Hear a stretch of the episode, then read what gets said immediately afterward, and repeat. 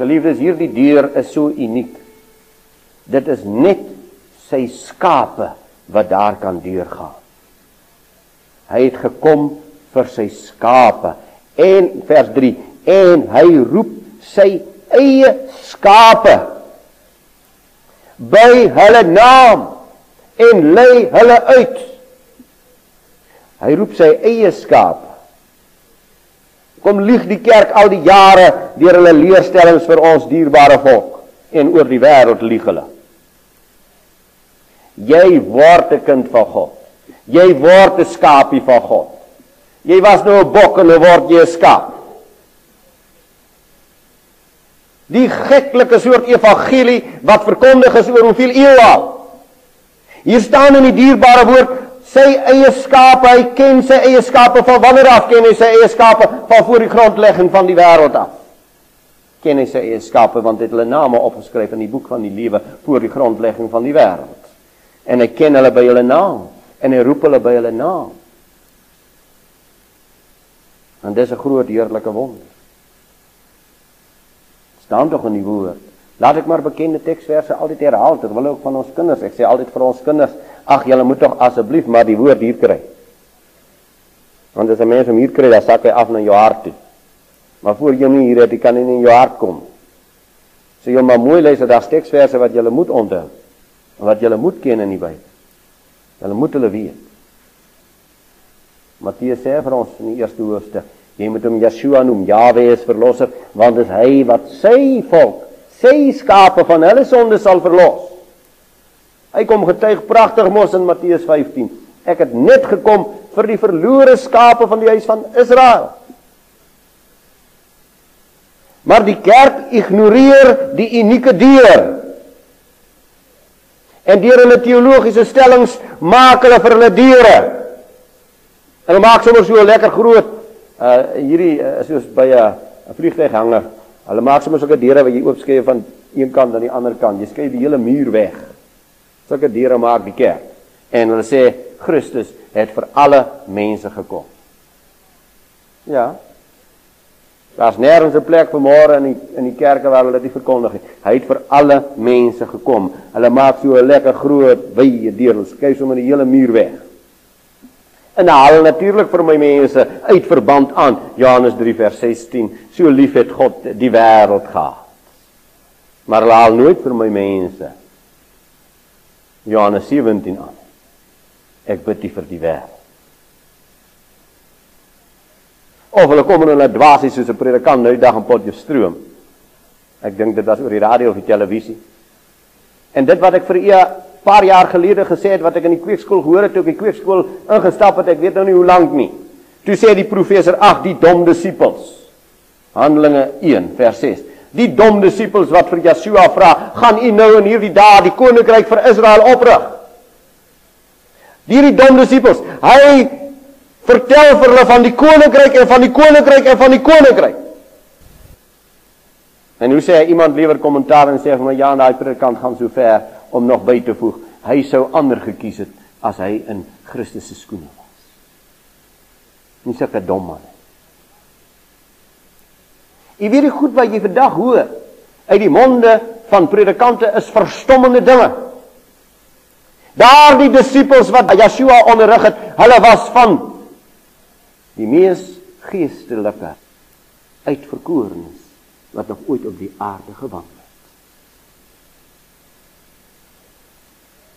Hy was vol van die Heilige Gees. Na sy verskyning het hy oor hulle geblaas en het gesê ontvang die Gees. Hulle moes dit ontvang, geliefdes, want voor die sterwe van Yeshua was die Heilige Gees onttrek van die volk. En na sy opstanding kom blaas hy oor hulle, want hy wil verbond sluit weer met hierdie volk. En hy begin by hierdie disipelkring en hy blaas oor hulle en sê ontvang die Gees, want hierdie manne moes begine verstaan. Hulle moes begryp. Maar nou sê die kerk, hulle is dom. En hulle ignoreer hierdie unieke deur. En ons kan hulle vanmôre noem die universaliste. Hulle sluit die hele universele in. En die Arminiane kom en hulle sê Yeshua het vir niemand in besonder gekom nie. Hy het pas sommer net gekom vir elkeen wat glo. Nee. Nou moet jy kyk die kerk handhaaf twee groot dwaalleerlinge vanuit die vroeë eeue. Universalisme en Arianisme. Hy het vir almal gekom, hy het vir niemand in besonder gekom. Maar sy Bybel sê hy het vir sy eie skape gekom, maar dit kanselleer hulle. En hy roep sy eie skape by hulle naam, want hy ken hulle naam van voor die grondlegging van die wêreld af. Hy het gekom vir die uitverkorenes, vir die skape. Let op. Daar staan nie vir skape nie. Daar staan vir die skape. Elke keer vir die skape en dis 'n spesifikasie. Watter skape? Die skape, die skape wat sy eie is, die skape wat hy uitverkies het, die skape wat aan hom behoort. En dit staan mos verder pragtig in daai hoofstuk die 16de vers. Ek het nog ander skape wat nie aan hierdie stal behoort nie. Ek moet hulle ook lei en hulle sal na my stem luister en dit sal wees een kudde en een herder. Ja, nou kom sê die verdwaalde kerk, hierdie ander kraalskape, dis nou die heidene. En die Jode soos hulle sê is nou die een kraalskape en die heidene is nou die ander kraalskape. Nou wanneer het Yeshua dan nou hierdie ander kraalskape bymekaar gekry? Wat nou nie aan hierdie stal behoort nie, maar wat nog altyd aan die stal behoort, want dit moet een stal word of een kraal word en een een herder, een kudde. Die twee stamme en die 10 stamme ryk, dis tog duidelik wat daar staan. Die die kraal wat hy nou onder is is die koninkryk van Juda. Hy sê maar dis daar nog 'n kraal skape wat verstrooi is. 11 vers 52. En ek lees sommer maar die 51ste vers by. En dit het hy nie uit homself gesê nie, maar omdat hy daardie jaar hoëpriester was, het hy geprofeteer dat Yeshua vir die volk sou sterwe, vir die Judea volk. En nie alleen vir die volk nie, maar ook om die verstrooide kinders van God tot 'n een eenheid saam te voeg. Moet ons weer die twee teksverse saam lees. Ek moet hulle ook lei en hulle sal na my stem luister en dit sal wees een kudde en een herder. En daar staan in vers 52 van Johannes 11 en nie alleen vir die volk nie, maar ook om die verstrooide kinders van God tot 'n een eenheid saam te voeg. Nou wie's verstrooi? Israel. Die 10 stamme ryk is verstrooi oor die aarde. En saam met hulle is Juda ook verstrooi. Maar daar raam 'n groot persentasie van Juda in die land Palestina oorgebly.